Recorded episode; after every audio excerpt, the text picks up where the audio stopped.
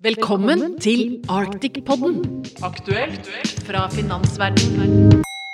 God ettermiddag og eh, velkommen til Arctics eh, podkaststudio og dette webinaret om eh, Russlands invasjon i Ukraina. Krig er brutalt og tragisk og er full av menneskelige lidelser. Men i motsetning til andre katastrofer så er det resultatet av en villet handling. Nå hører vi om intensivert bombardement av eh, ukrainske byer. Bortimot to millioner eh, innbyggere har flyktet fra landet. Det finnes ikke noe svar med to streker under om hva som kommer til å skje. Men forhåpentlig så kan vi gjennom dette webinaret få en mer innsyn i ulike scenarioer og mulig utfall. Og Til å hjelpe oss med det så har vi fått for det første seniorforsker ved Norsk utenrikspolitisk institutt, Julie Wilhelmsen. Vi har fått eh, seniorforsker ved Forsvarets høgskole, Ingvild Mo Elgsås. Og vi har fått tidligere forsvarssjef, og nå eh, eh, sjefforsker ved Fors Forsvarets forskningsinstitutt, eh, Sverre Disen. For å begynne med deg, eh, Julie. Eh, Putin har snakket om å demilitarisere og denazifisere Ukraina. Hva tror du er hans formål med invasjonen? Ja, først så tenker jeg Det er lurt å minne om at dette er en krig som egentlig begynte i 2014. Og for å forklare hva som er formålet, så er det, må vi i hvert fall tilbake dit. Og jeg er helt enig med deg, veldig viktig å understreke at vi, at vi vet ingenting sikkert. Men eh, det er noe vi vet ganske sikkert. Eh, og det første er at Putin har villet forhindre Ukrainas vestvending. Eh, både når det gjelder eh, en potensielt nærmere tilknytning til EU, og ikke minst eh, en nærmere tilknytning til Nato. Så har han nok også, fra Maidan brøt ut i Kievs gater, vært redd for og villet forhindre at en såkalt fargerevolusjon, altså en, en stor folkelig oppstand mot regimet, skulle kunne spre seg fra Maidan, fra Ukraina og inn i Russland. Og kanskje ramme hans eget eh, regime. Og hvis du ser på russiske offisielle tekster eh, over tid, eh, og spesielt da siden eh, 2014, så finner man at eh, den russiske ledelsen nærmest har avlet fram en slags konspirasjon om hvordan Vesten forsøker å omringe og nedkjempe eh, Russland ved hjelp av alle disse midlene.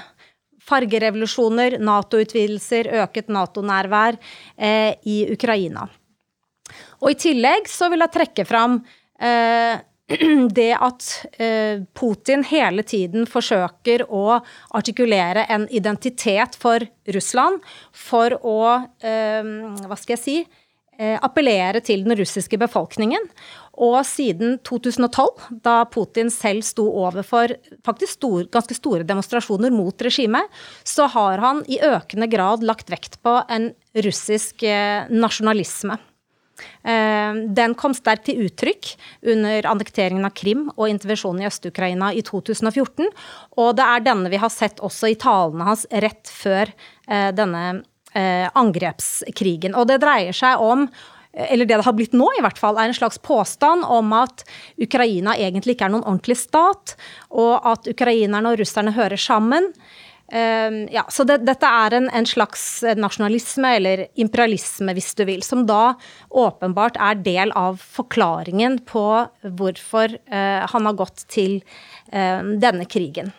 Men jeg har også lyst til å si at eh, det som har skjedd i løpet av eh, det siste året, faktisk, før invasjonen ble satt i gang, så vidt jeg har tolket det, og igjen, vi vet ikke, men så vidt jeg har tolket det, så har denne oppbyggingen, massive oppbyggingen av russiske styrker langs Ukrainas eh, grense vært et slags forsøk på å tvinge fram et forhandlingsbord.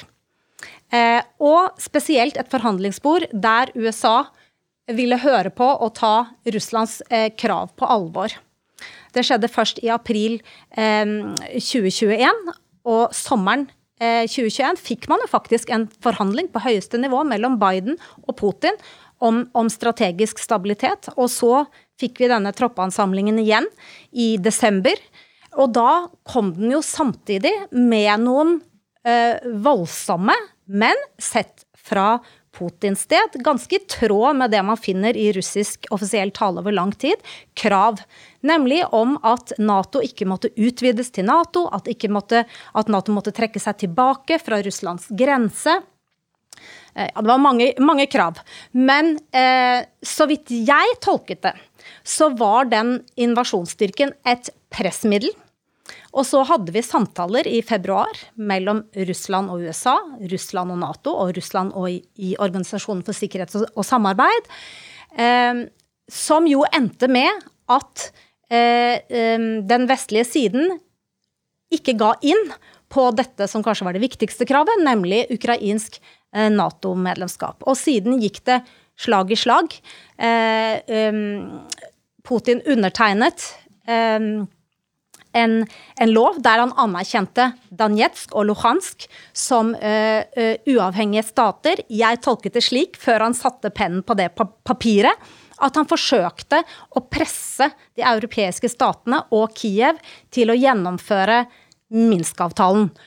Det er en avtale som ble undertegnet i 2014 og 2015, og som ville gi eh, de facto eh, autonomi til disse utbryterrepublikkene i øst, og som kunne fungere som en slags Russlands jernklo inn i Ukraina, som ville forhindre eh, en videre vestvending av Ukraina. Så eh, det var jo også noe som ikke førte fram. Det var et skytteldiplomati mellom eh, Berlin, Paris og til Moskva og til Kiev. Det ble ikke noe av en gjennomføring av eh, Minsk-avtalene, naturlig nok, for det var på en måte avtaler som gikk i Russlands favør, og som var et slags diktat eh, om en føderalisering av Ukraina som var helt uakseptabel for, for Ukraina. Men iallfall, etter, etter dette så gikk man altså til en, en, en full eh, invasjonskrig. Disen, ut fra et sånt militærstrategisk uh, syn, den militære innsatsen som Russland har eh, gått inn i med, i Ukraina, sier den noe om hvilket uh, endgame Putin kan ha? Det sier vel i hvert fall noe om hvilket eh, endgame han hadde i utgangspunktet. For alt tyder jo på, når vi ser på disse operasjonene, Eh, at han hadde regnet med å avgjøre dette i løpet av de første ett til to døgnene. Da regnet han med å gjøre tre ting, egentlig. Eh, å få fysisk kontroll over disse to provinsene i, i øst, som da er, skal vi si utgjør mye av legitimiteten i, i hele, dette, hele, denne konflikten for, for russerne. Eh, han hadde ønsket å, å, degradere og ødelegge så mye av det ukrainske forsvaret at det ville være ute av stand til å, å, å gripe inn og, gjøre motstand. Og fremfor alt, han hadde håpet å ha kontroll over Kiev og nøytralisere den politiske ledelsen. Så greide han ikke det, og eh, det skyldes vel at han har gjort eh, i hvert fall tre grove feilvurderinger. Han har undervurdert den ukrainske motstanden. Han har nok også undervurdert motstanden mot denne krigen i den russiske befolkningen. Eh, og han har eh, åpenbart også undervurdert eh, reaksjonen i Vesten og Vestens evne til da å reagere samlet og kraftfullt. Og vi skal huske at Putin legger jo ikke skjul på at han anser Vesten som en sivilisasjon i forfall. Vesten er altså dekadente og i moralsk oppløsning innenfra. Og, og, det kan være mye av forklaringen på at han har altså konsekvent undervurdert hva Vesten ville gjøre. Og han hadde altså da håpet å, å få en slags hviterussisk løsning i løpet av uh, bare et, uh, et, par døgn. Uh, få inn en, en lydig, et lydig regime à la Lukasjenko i, i Hviterussland, i Kiev. Og så hadde han jo selvfølgelig kunnet og måttet uh, ha russiske garnisoner stående i, i uh, Ukraina, i medhold av en, en, avtale med dette nye marionetteregimet. Uh, og så kunne han altså på den måten håpe å oppnå det som, som Julie Wilhelmsen her er inne på. hindre en, en, vestvending av Ukraina, som åpenbart er hans største frykt. Eh, og det er jo også med på, etter mitt skjønn, å kle av eh, dette at eh, denne forestillingen om at Putin er redd for Nato militært sett. Det tror jeg ikke han er. Putin vet meget godt at Nato ikke har noen planer om å marsjere mot Moskva. Det er det såpass mye dårlig empiri på at, at det er det ingen som kommer til å gjøre. Men det er også akkurat dette at han er redd for å våkne en morgen og, og at det er et Maidan-opprør i gang på den, den, røde plass. Det er han redd for. Maidan-opprør er da opprøret i I, I, Kiev i 2014. Mm. Ingvild Moe Edsås, eh, eh, Sverre Disen snakker om han og Putin hele tiden. Eh, betyr det at det er, det er bare Putin? Han er, han, er, han er, nærmest isolert i Moskva, bare omgitt av noen få ja-menn? Jeg tror det er en riktig vurdering. For den russiske staten har lenge vært veldig sentralisert. Men i de siste åra har det vært mer og mer, og spesielt akkurat rundt, rundt Putin, som er skulle si, på sine eldre dager han blitt mer sikkerhets... Han har alltid vært sikkerhetsinteressert, selvfølgelig, ikke, ikke, ikke misforstå det.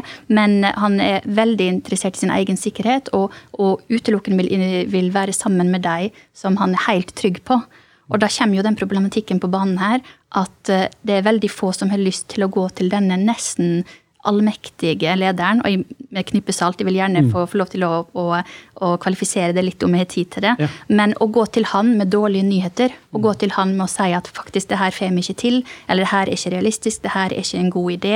Ukrainerne har faktisk større sjølidentitet enn det vi liker å tro de har. De, de, er sterkere, de kommer til å kjempe mot oss. det her kommer, altså det er ingen som egentlig tør å gå til Putin med det her nå. Så den informasjonen han sitter, det er ikke den han nødvendigvis tar veldig gale beslutninger. Men informasjonsgrunnlaget hans vil nå reflektere det han sjøl i flere år med økende intensitet har diktert at han vil få vite. Mm. Så det er en litt sånn skummel situasjon på toppen. Ja. Og da er det én mann på toppen som sitter med veldig mye makt og ikke helt riktig informasjonsgrunnlag. Vi har jo sett en seanse hvor han nærmest henger ut eh, sin, eh, en av sine sikkerhetsrådgivere. Mm. Det tyder jo på at, ja. Ja, det tyder på at han, eh, han, ikke er redd for å, å, å, Eller ønsker å ha den informasjonen mm. han, han, vil ha. Og Det mest interessante med det klippet var å se Narysjkin sin reaksjon, og hvordan mm. han bestreba seg etter beste evne å prøve å si akkurat det Putin ville han skulle si på akkurat riktig vis, og han fikk det ikke helt til. Og det var jo vondt å se på. Ja. Eh, men at når til og med en av hans nærmeste rådgivere som skulle kunne gi han nyttig informasjon, mm. Eh, oppføre seg på en sånn måte at han kun skal etterprate Putin, da, da blir det vanskelig å ta riktig, riktig informerte beslutninger. Ja, Julia? Ja, nei, Jeg er helt enig i, i vurderingen. Uh, og synes også det har vært egentlig ganske hjerteskjærende. Jeg har en, en, kollega som er direktør for Russian International Affairs Council, som liksom skal være presidentens råd da, på, uh, i, i, den type spørsmål. Og også han uh, visste jo ingenting og var så ærlig at han gikk ut på BBC og, og sa med en gang at dette her er ikke en, en, legitim eh, krig, og vi, vi, skammer oss eh, over dette. Så man kan jo lure på som, hvilken skjebne som møter han nå, faktisk, når han har vært så eksplisitt som han har vært. Men det jeg hadde lyst til å si som er viktig for å forstå situasjonen i Russland, er at selv om du har fått en en, en, liten maktelite som etter hvert bare har bestått av hauker de siste årene, som, som er eh, veldig isolert, så er det samtidig slik at det er veldig, veldig mange i dette store, store Putin-systemet som er implisert. Og det er del av eh, problemet. Hadde det vært slik at du bare kunne fjerne, fjerne, ledelsen, og så var du på en måte kvitt problemet, så hadde det jo vært en enkel sak. Men slik er det ikke. For dette er et system hvor veldig mange er gjensidig avhengige av hverandre og knyttet oppover i et nettverk eh, til, til, denne ledelsen. Og, eh, og det gjør også at det er faktisk helt overskuelig eh, hva som kommer til å skje i Russland hvis man eh, skulle falle for fristelsen til å bruke sanksjoner, f.eks., til å få eh, Putin eh, veltet. Mm. Tenk å komme tilbake til både til Putin og sanksjonene etter hvert. Disen? Nei, jeg, jeg, tror altså at det er dette spørsmålet om, om de lojaliteten i, i, kretsen rundt Putin, det er interessant. Og det er interessant spesielt i forhold til én eh, gruppe som er ganske avgjørende i den sammenheng, og det er jo de militære. Mm. Fordi de militære er jo den eneste institusjon som i kraft av sin fysiske makt faktisk kan fjerne Putin, hvis de skulle ønske det, og bli enige om det på toppen i, i det russiske forsvaret. Nå har ikke russerne noen tradisjon for militærkupp. Jeg tror du må vel tilbake til til Peter den tredje eller noe sånt. For å, for å, er, da snakker vi 250-60 år. Eh, men eh, vi har jo alle et inntrykk av at Putins grep på eh, rasjonalitet og virkelighetsoppfatning, den er, skal vi si, synes å være blir stadig verre. Uh, også bortenfor det som kan forklares liksom med kulturelle forskjeller. altså Russisk rasjonalitet er ikke nødvendigvis det samme som vestlig rasjonalitet, men, men nå er vi liksom forbi det punktet også. Uh, og Putin snakker altså om atomvåpen, riktignok i litt tvetydige vendinger, og åpenbart i den hensikt å skape frykt og usikkerhet i Vesten for å få denne alliansen til å sprekke opp. Eh, men la oss nå si det, altså ved å gjøre det, så maler han seg jo sakte, men sikkert inn i et hjørne.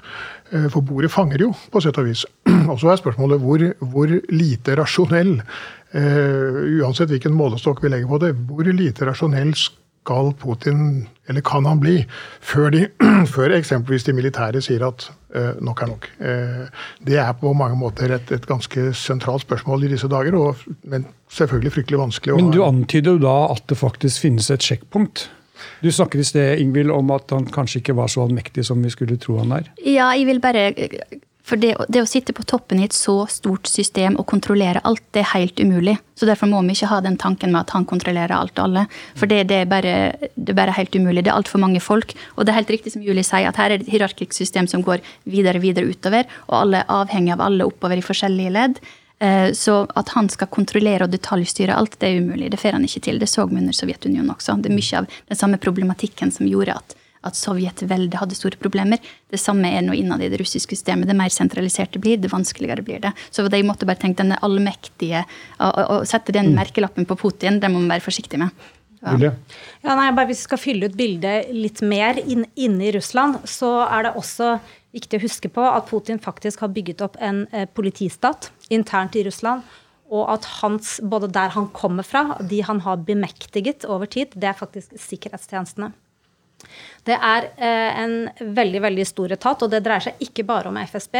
Putin har f.eks. en eh, nasjonalgarde, som det heter, eh, som er ganske ny, men som har mange hundre tusen bevæpnede styrker eller politi, eller hva man skal velge, velge, å kalle det. Så det er klart at det er det store spørsmålet også når det gjelder hvorvidt denne opposisjonen, da, som åpenbart fins, selv om den ikke er veldig, veldig stor, men den kan bli større fordi denne krigen sannsynligvis ikke er akseptabel eh, for de fleste russere når de får se den i all sin grusomhet. Men altså asymmetrien mellom politi Putins politistat og sivilsamfunnet og befolkningen er veldig, veldig eh, stor. De sitter med mye makt på, eh, på sine hender. Så der eh, Altså Maidan-situasjonen eh, er en helt, helt annen enn den du vil få eh, i Russland. Og det er grunnen til at de eh, Vi ser jo nå hvordan de demonstrasjonene som har vært Eh, i, i, russiske byer de siste dagene. Det har jo vært demonstrasjoner med noen tusen mennesker, og folk kan si at det er lite, men det er veldig, veldig mye når du tenker på eh, hva de blir utsatt for, de som velger å, å, demonstrere nå. Så jeg tenker det er en, en veldig viktig variabel her når det gjelder hvor lenge eh, hva skal jeg si, Putin-regimet kan uh, holde ut her, da. Mm. Ja. Men det er jo, det jo paradokset her at altså hele eh, grunnlaget for, for, denne operasjonen, denne krigen, og hele denne politikken som Putin da har ført over lang tid, det er jo altså til syvende og sist frykten for politisk og sosial uro i Russland. Eh, I dette tilfellet som følge av en smitteeffekt fra et politisk og økonomisk vellykket og stabilt Ukraina som er vestvendt. Mm. Eh, hvis da Putin griper til et middel, altså denne krigen, som eh, utvikler seg på en måte som gjør at denne politiske og sosiale uroen, den oppstår, som, som Julie sier, den oppstår allikevel. Helt, altså helt, helt uavhengig av, av, eh, Ukraina, på den måten at det er altså rett og slett det er, det er faktum, det faktum at, at Putin griper til makt for å hindre det, det gjør altså at det, at det problemet han egentlig er redd for, det oppstår allikevel. Mm. Og det vil jo være virkelig et, et paradoks. Apropos det, jeg så, så deg sitert på Sverre Disen at uh, russerne har et valg mellom pest og kolera i Ukraina. Så spørsmålet er uh, altså mellom enten da langvarig beleiring ja. eller, uh, eller, da harde gatekamper i de store byene. Kan, kan, russerne vinne militært? Ja, altså det kan de fortsatt. Eh, og deres militære overmakt er jo sånn at, at det kan de. og de kan ikke, ukrainerne kan ikke holde ut dette hvor lenge som helst og, og på et hvilket som helst intensitetsnivå.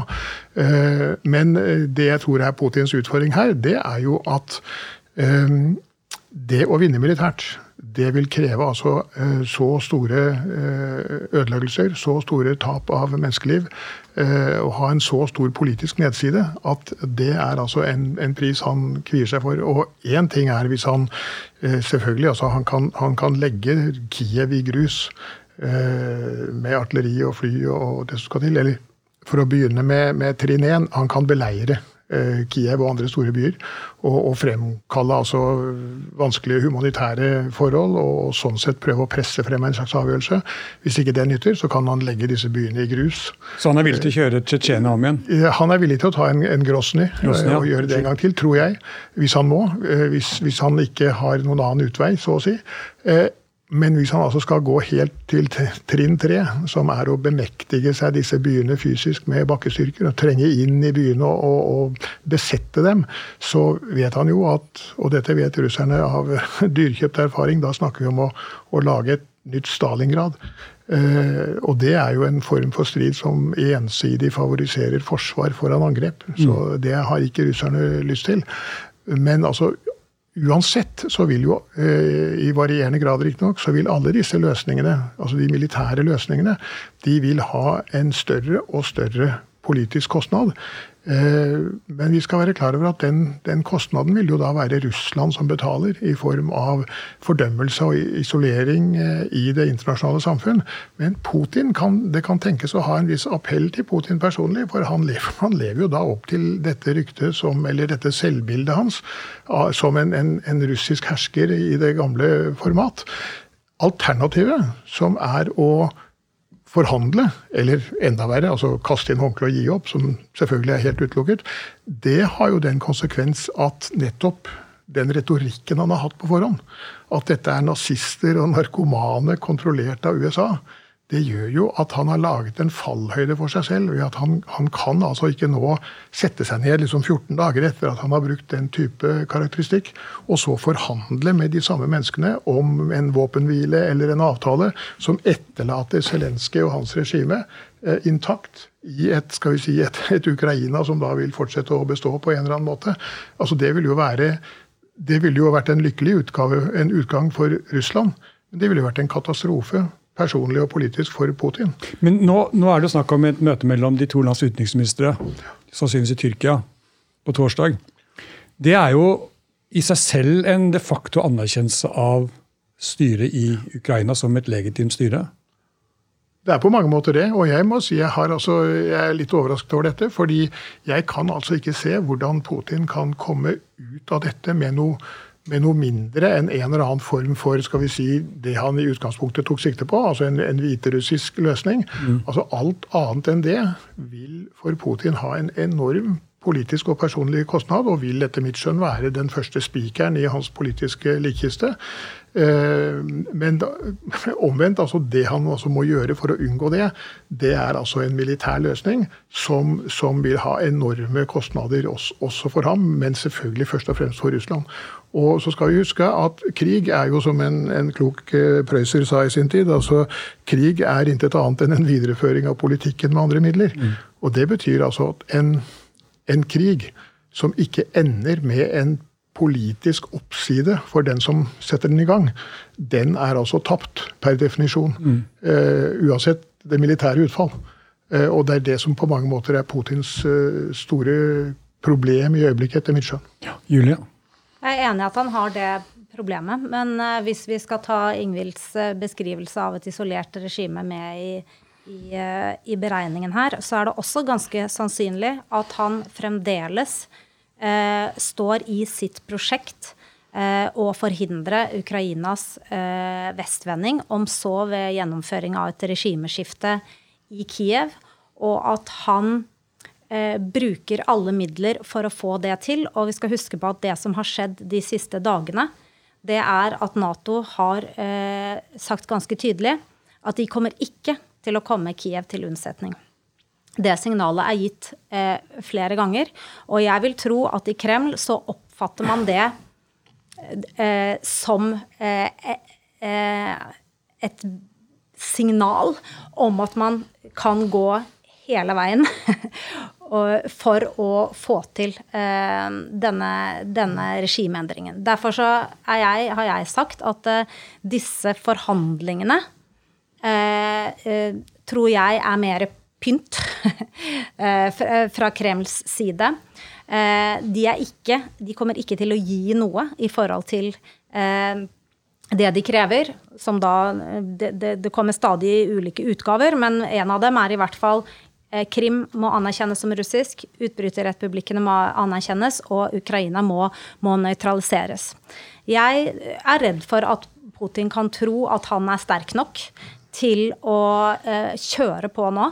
Uh, for, for å, uh, å, oppnå dette, og at Vesten reelt sett ikke eh, og Nato spesielt, ikke egentlig kommer eh, Zelinskyj til, eh, til unnsetning. Men så er jeg helt enig, hvis vi skal tenke lenger, da, og hvis Russland da skulle kunne klare å gjennomføre en regimeendring og bli stående der, det er jo et, et helt håpløst prosjekt. Og der er faktisk sammenligningen med Tsjetsjenia veldig uh, instruktiv og interessant. Fordi at uh, grunnen til at man vant krigen mot Tsjetsjenia i 1999 Um, og det er altså en, en, et territorium på størrelse med Telemark fylke. Et uh, bitte lite muslimsk folk, knapt en million mennesker. Grunnen til at man, man klarte å vinne, var at man uh, fikk på plass en slags marionett, nemlig Ramzan Kadyrov. Og Ramzan Kadyrov styrer gjennom ekstrem maktbruk. Det er et, et, terrorregime. Så ikke engang i denne situasjonen klarer man å få til det enhver eh, politisk ledelse faktisk må, nemlig en blanding av coercion and consent. Så du kan ikke forestille deg å, å styre Ukraina med tvangsmakt alene. Du må ha en eller annen form for samtykke fra den befolkningen som mm. er der. Og det det vil koste å få kontroll på Ukraina nå, eh, er jo nettopp at du får ingenting i nærheten, hvis vi skal ta Putins retorikk på alvor, da, av eh, din lillebror.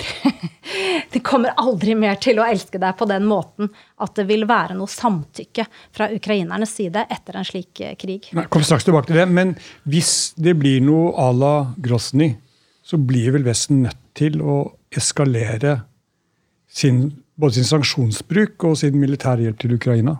Ja, altså her, her, må jeg jo si at vi kanskje også skal begynne å gjøre noen skiller igjen. da. For det, det, man kunne gjøre i Tsjetsjenia, var jo å lage en sånn, hva heter det, kordon sanitær rundt Tsjetsjenia. Mm. Og man slapp jo ikke engang menneskene ut, og man bombet det eh, sønder og sammen. Mm. Det vi har sett til nå, er at det er man faktisk ikke eh, Det kvier man seg for. Mm. Eh, ja. Men jeg tror, jeg tror også at eh, altså dette at Nato ikke kommer til å blande seg inn, det, det er utvilsomt altså, i betydningen med bakkestyrker. Men altså, jeg tror jo at nettopp fordi eh, Putin har eh, feilvurdert her, så har han jo også skaffet Vesten en sjanse til å kvitte seg med ham.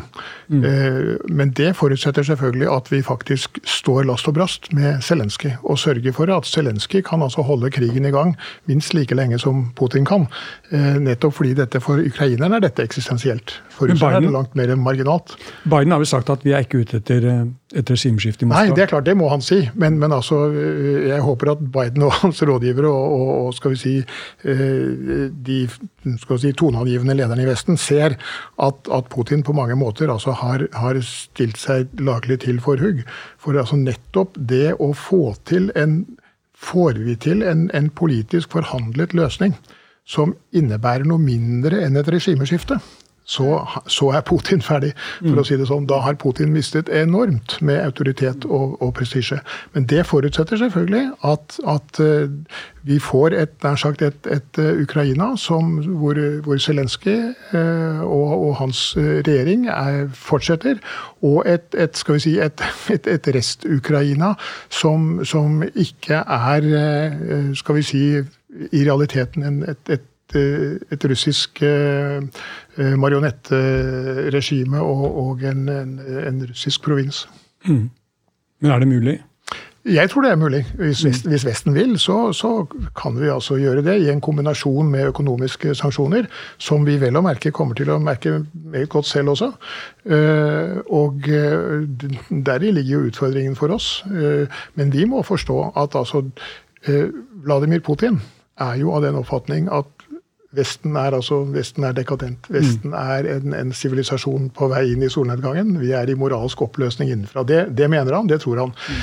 Hvis vi nå gjør eh, så ikke, ikke, gjør mer, ikke står lenger i dette, enn at Putin kommer ut av dette med en slags politisk gevinst, så vil han si det var det jeg sa. Mm. De er noen krek.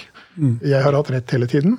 Eh, og det er det farligste vi gjør. Altså, Vi må få Putin til å forstå at hans vurdering av Vesten er feil. Eh, og det forutsetter altså at vi viser evne og vilje til å, å gjøre dette så vanskelig for ham at eh, det blir et politisk nederlag. Mm. Julie Wilhelmsen, du sa du hadde ikke tro på forhandlinger. Men kan det være slik at Russland må vinne mer territorielt før de vil begynne å forhandle reelt? Uh, ja, jeg, jeg, tror det er det de uh, holder på med. Mm. Uh, jeg, jeg, tror de, de, de, kommer til å, å presse på. Det, og igjen, vi vet ikke. Nei. Det jeg frykter ut fra min kjennskap til Putin, det er at når han først har satt seg dette målet, så gir han seg ikke. Og derfor så, så, er jeg skeptisk til om det er noen mulighet for noen reell forhandling. Eh, med mindre man er villig da, til å si ja til ukrainsk nøytralitet. Mm. Eh, og eh, f.eks. gi disse utbryterstatene autonomi. Anerkjenne Krim. Det er det jeg, jeg, er redd for. At det er på en måte eh, non-negotiable. Fra, fra, hans side. Og hvis, og, og, og, eh, ja. Kan det være at han også vil ha områdene i sør mot Svartehavet over mot Odessa for å kontrollere f.eks. vareinnførsel til Ukraina? Ja, det kan man jo legge på, hvis han mm. føler seg eh, sterk nok. Så det, det vil jo helt, helt, klart være avhengig av hvor, hvor, hvor eh, langt man lykkes eh, på bakken, tenker mm. jeg. Mm. Men, men, vi må jo da på et eller annet tidspunkt prøve å komme opp med en eller annen avkjøringsmulighet for Putin til å stoppe mm. med det ja. militære. Ja. Hva skulle det være? Nei, Jeg vet ikke, men det jeg leste en psykolog som, som uttalte seg om det. Altså dette med at selvmord er jo irrasjonelt. Mm. Uh, men det er ikke irrasjonelt for en person som allerede føler at han er død. ja, Men det, vi kan, kan eh, ikke så, satse så på en bunker? Nei, ikke sant. Så det er på en måte det store uh, spørsmålet her. Hvilken uh, utvei kan man gi eh, Putin, da. Mm. Så det, måtte, og det tror jeg er dette spørsmålet om, om, eh, om ukrainsk eh, nøytralitet. Mm.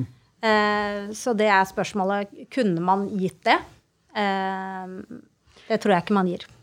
Nei, Det tror ikke jeg heller, og det, det, det, bør man ikke gi, for å si det sånn. For det ville være altså, en de facto anerkjennelse av russernes rett til å definere en, en interessesfære uh, rundt eller langs deres egne grenser. Mm. Uh, og skape sånn sett en farlig presedens. Og igjen, det ville gi altså overbevise Putin om at, at uh, ja, jeg har rett. Det er faktisk mulig å gjøre det på denne måten. Så det vil være for oss i Vesten ikke bare å altså skal vi si, kaste Ukraina og ukrainerne under bussen, det vil være å gjøre vår egen situasjon langt farligere og mer utsatt enn den, enn den er. Eh, men altså, det er et interessant spørsmål dette om man kan finne en strategisk bakdør som man kan slippe Putin mm. ut av mm. med et minimum eller en flik av eh, det reddet ansikt. Mm. Problemet er bare å finne ut hva det skulle være, uten igjen å gå på akkord med noen av disse eh, tingene, som altså verken kan eller bør være forhandlingsbare. Altså Hvis vi er enige om at en militær løsning er lite sannsynlig, så må det jo bli en annen politisk løsning. Ja. Kunne man tenke seg en omdannelse av Ukraina til en føderalstat med stor grad av selvstyre for enkelte det er jo eh, egentlig, områder? Det er ikke det som ligger i Det er egentlig det som lå i, i Minsk-avtalene. Ja, fra 2015. Ja. Mm. Men altså det, det, er jo også et faremoment her. altså hvis, Det kommer an på hva man liksom mener med, med, føderalisering. Men det er klart at hvis, øh, hvis øh, La oss nå si da at, at øh, ukrainerne velger å skal vi si se på de to østlige provinsene som la oss si en slags sunkkost, mm. og sier at vel, vel, altså Putin har anerkjent disse som selvstendige folkerepublikker. Vi får forholde oss til realitetene på bakken, og så trekker vi en ny nasjonsgrense. Eh, og så tar vi med oss eh, resten av Ukraina eh, vestover. Så er det klart at da har de jo ikke bare eh, gjort det enklere for seg selv, men de har altså berøvet Putin eh, enhver legitimitet, som jo selvfølgelig knyttet seg til disse to østlige provinsene og det folkemordet som foregikk der. Eh, så, så, jeg kan ikke heller se at, at Putin kan ta sjansen på, på det, egentlig. Så jeg, jeg, tror jo altså at, at um, Vestens interesse og Ukrainas interesse i dette, sånn strategisk sett, vil måtte være å, å sørge for at en, en, en, militær løsning som setter Putin i stand til å diktere den politiske etterkrigstilstanden som han ønsker, den skal gjøres så kostbar mm. at uh, selv Putin altså må tenke seg om, og i hvert fall de han har rundt seg, eh, vil måtte tenke seg om. Eh, og i stedet arbeide for en forhandlingsløsning som må være slik at eh, den innebærer et, et stort tap av ansikt for Putin personlig. Mm. Eh, med andre ord, Vi må sørge for at det er Putin som taper. Altså Russland og Putin er to forskjellige aktører egentlig her. Eh, og vi må sørge for at altså, det er Putin som taper, eh, og ikke Russland. Men hva er tidsaspektet her? Så hvor lang tid kan dette fortsette?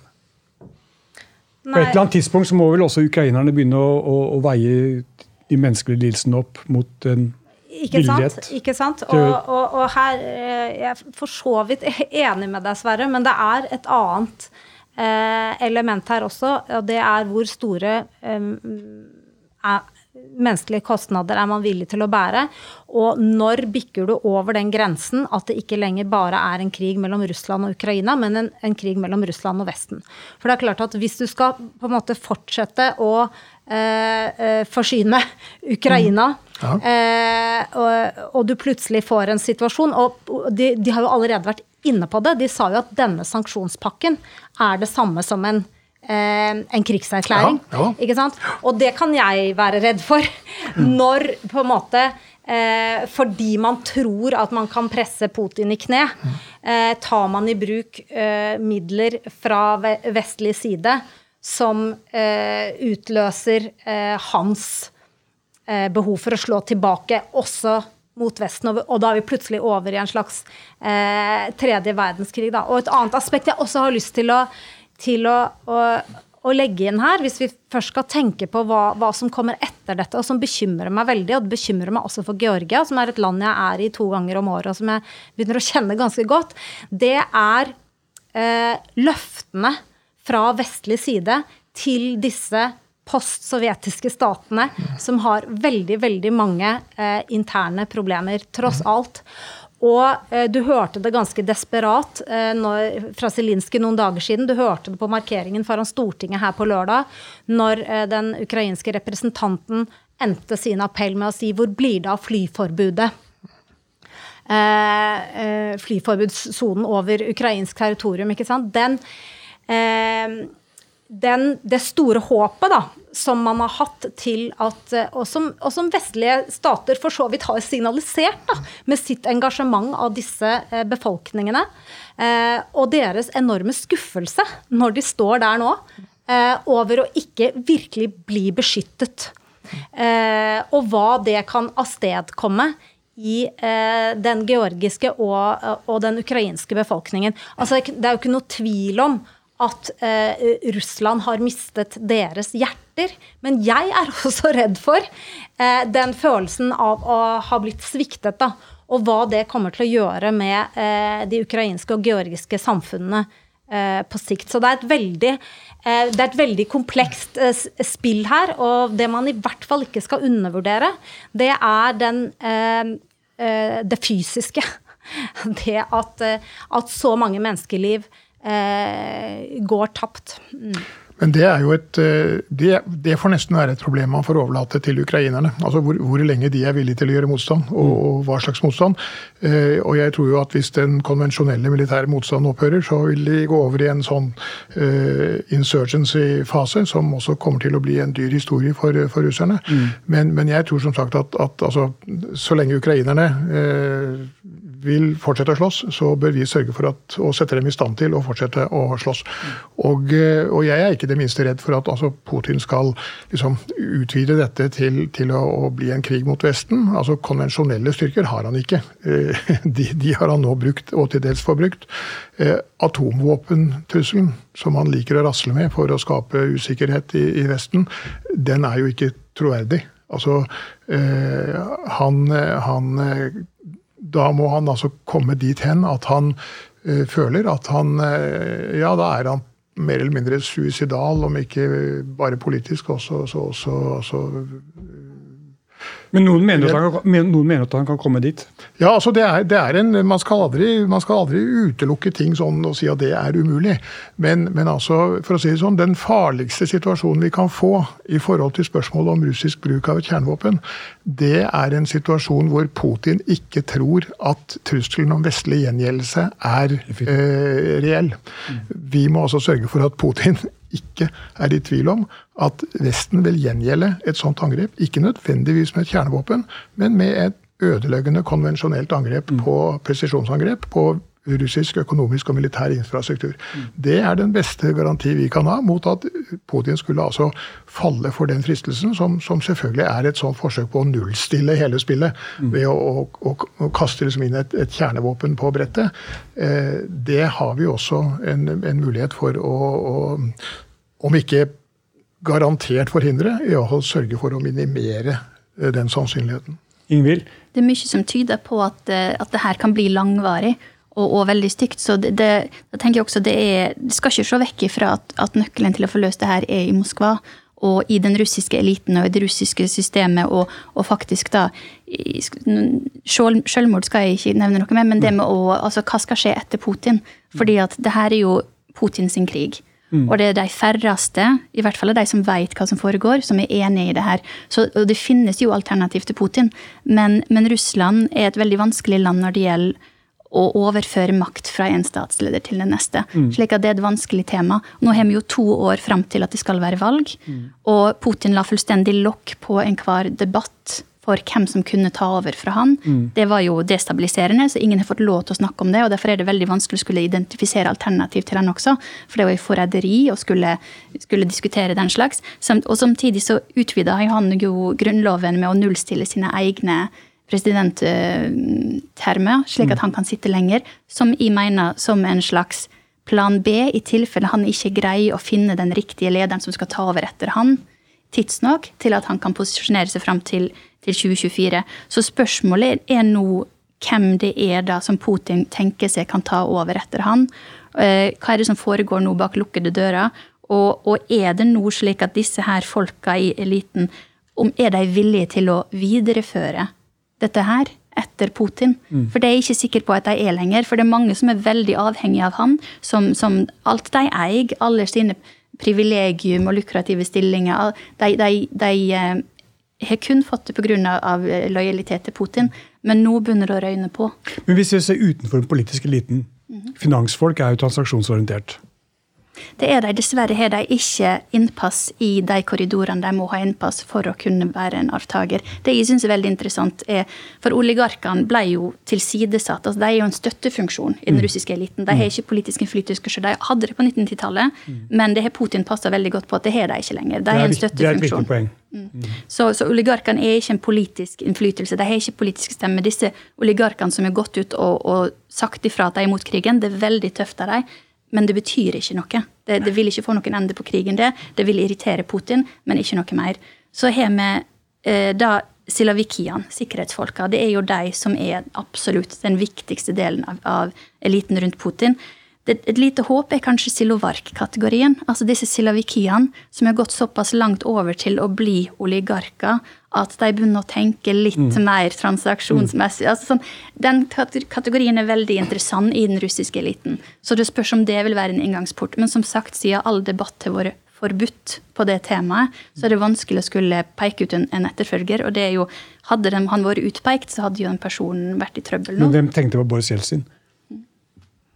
Julie? Nei, nå lurte jeg plutselig må, på om tiden vår var Ja, ja vi, må, vi, må, dessverre avslutte nå, fordi eh, Julie må, må, gå. Men hvis jeg skal forsøke meg på en liten konklusjon, så har vi liten tro på en militær løsning. Det må komme en politisk løsning på et eller annet vis. Men det blir vel vanskelig å få en politisk løsning som innebærer at du tvinger Putin fullstendig i kne. Et alternativ kan være at kostnadene for han internt blir såpass store at han må finne en dårlig unnskyldning for å, å trekke seg ut. Stemmer? Stemmer. Fint. Ja. Tusen takk. Da takker vi for uh, oppmerksomheten, holdt jeg på å si. Takk skal dere ha. Takk for uh, paneldeltakerne. Tusen takk. This podcast has been prepared by Arctic for information purposes only. The information, opinions, and recommendations presented in this podcast are for general information only, and any reliance on the information provided in this podcast is done at your own risk. This podcast should not be considered professional advice. The information provided in this podcast is not intended to constitute investment advice, nor is the information intended as an offer or solicitation for the purchase or sale of any financial instrument. Relevant and specific professional advice should always be obtained before making any investment or credit decision. It is important to note that past performance is not indicative of future results. This podcast does not fulfill the criteria for preparing investment research and must be seen as marketing material. All information submitted during this podcast is obtained from public sources that Arctic believes to be reliable, but which Arctic has not independently verified. Arctic makes no guarantee, representation, or warranty as to its accuracy or completeness. No liability whatsoever is accepted for any direct or indirect, including consequential, loss or expense arising from the use of information from this podcast.